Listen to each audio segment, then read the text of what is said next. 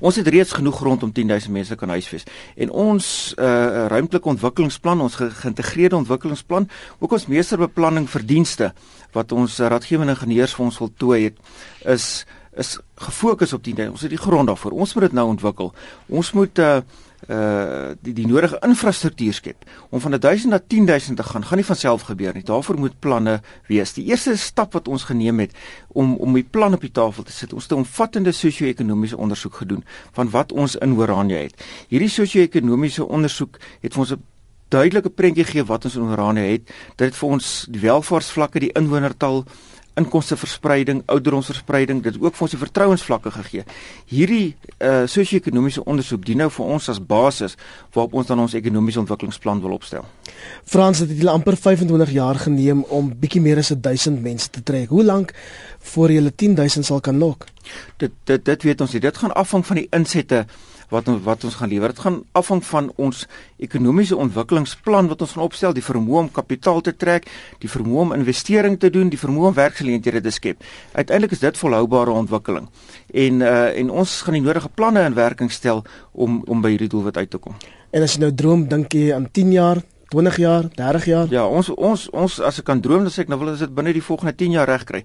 Maar daarvoor gaan ons ondersteuning, daarvoor het ons ondersteuning nodig. Daarom het ons ook 'n aktiewe proses om ons ondersteuningsbasis te mobiliseer via die Oranje beweging, via ons instellings, ons webblad, verskeidenheid van aktiwiteite. Maak ons dit moontlik vir mense wat die Oranje gedagte ondersteun om betrokke te raak by Oranje al woon jy nog nie op Oranje. Het sy investering of donasie, eien om te koop, welke wyse ook al betrokke te wees. Met ander woorde, ons ondersteuningsbasis is ons bron van krag. Dit is mense wat identifiseer met Orania, wat al hoe meer besef maar as Afrikaners op die langtermyn volhoubaar in Suid-Afrika wil oorleef, moet hulle selfstandig optree, moet hulle eie plek en ruimte skep en op daai basis van selfvertroue en selfstandigheid kan hulle dan in verband tree met met met die res van Suid-Afrika. En uh die vermoë van ons eh, om ons ondersteuningsbasis uit te bou gaan gaan die tempo van groei bepaal wat ons uiteindelik die mense sal vestig in Orania. As jy praat van ondersteuning, dink ek jy praat van geld. Daar kan môre 10 000 mense op dag, maar jy het mense met geld ja, nodig. Ja, kyk, ons wil volhoubare ontwikkeling in Oranje doen. Ondersteuning kan vind op 'n verskeidenheid terreine plaas. Mense kom bou vakansie in Oranje, mense koop eiendom in Oranje. Uh mense kom kuier in Oranje, mense belê in Oranje, mense maak donasies en bydraes. Maar op die einde van die dag kan ons vinnig klomp mense trek en ontwikkel ons Orania se plakkerskamp. Dit is nie ons doelwit nie. Ons wil volhoubaar ontwikkel. Uh Orania en die sosio-ekonomiese ondersoek sien dit so duidelik. Ons het 'n werkloosheidskoers in Orania seker van 0,1%. Ons het eintlik geen werkloosheid in Orania. Hoekom is dit so? Die feit is die ekonomiese ontwikkeling wat ons gedoen het is op 'n volhoubare grondslag. As jy ding nie kan werk nie, ons kan nie iets kunsmatig aan die lewe hou nie. Ons het nie belastinggeld wat ons maar net kan mors om werksgeleenthede te skep nie. Elke ding moet volhoubaar plaasvind. So die die volgende fase van groei, die ekonomiese ontwikkelingsplan waarmee ons nou besig is, wat ons nou opstel, gaan kyk na wat is Oranje se moontlikhede, wat is die geleenthede, waar lê die bottelnekke in die ekonomiese ontwikkelingsproses? Ons gaan 'n investering daar vertrek, ons gaan die ondersteuning daar vertrek. As ons terugkyk na die afgelope 25 jaar, sien ons ons het iets reg gekry. Die basis is gelê. Dit gee vir ons die vertroue om nou vorentoe te kyk met 'n proaktiewe plan vorentoe gaan en mense betrokke te raak by betrokke te maak by 'n positiewe projek. Interessante uh, reaksie van ons luisteraars op ons SMS lyn en ook op ons Facebookblad. Iemand wat sê die selfbeskikking van Oranje is net beskore vir 'n elite groep in die wit gemeenskap. Jy kan nie werkloos en sonder geld op hulle stoepe aankom nie. Is dit waar? Ja wel, enigiemand kan maar kom kyk na Oranje wat het so. Oranje het, het ons verskeidenheid van mense. Ons het van bo tot onder uh, mense wat min het, mense wat baie het. In Orania probeer ons vir soveel as moontlik mense ruimte en plek skep. Maar ek dink wat belangrik is, in Orania is daar ook 'n ander kant van die munt. Aan die een kant is bereid om te help, die ander kant van die munt is jy moet ook jou kant bring.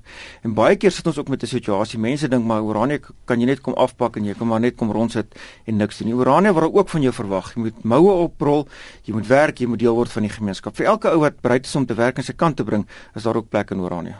So dis 'n dorp wat Afrikaners selfbeskikking nastreef, maar as ek nou kyk na julle eie syfers, 52% van die inwoners beskryf hulle self as Oraniërs, 23% sê hulle is Afrikaners, 21% Suid-Afrikaners. Wil jy daarop uitbrei? Ja, dit het dis 'n interessante syfer wat uh, na vore gekom het in ons sosio-ekonomiese ondersoek en ek dink die belangrike ding hoekom meer as 50% van die mense in Oranje gesê het maar hulle beskou hulle self in die eerste plek as Oraniërs. Dit is 'n baie duidelike aanduiding van die identiteit van die inwoners van Oranje wat reeds gevestig is oor die tyd. Ons is nie net 'n losse groepering van mense wat saam op 'n kol bly nie. In Oranje daar 'n identiteit gevestig van mense wat sê ons is Oraniërs.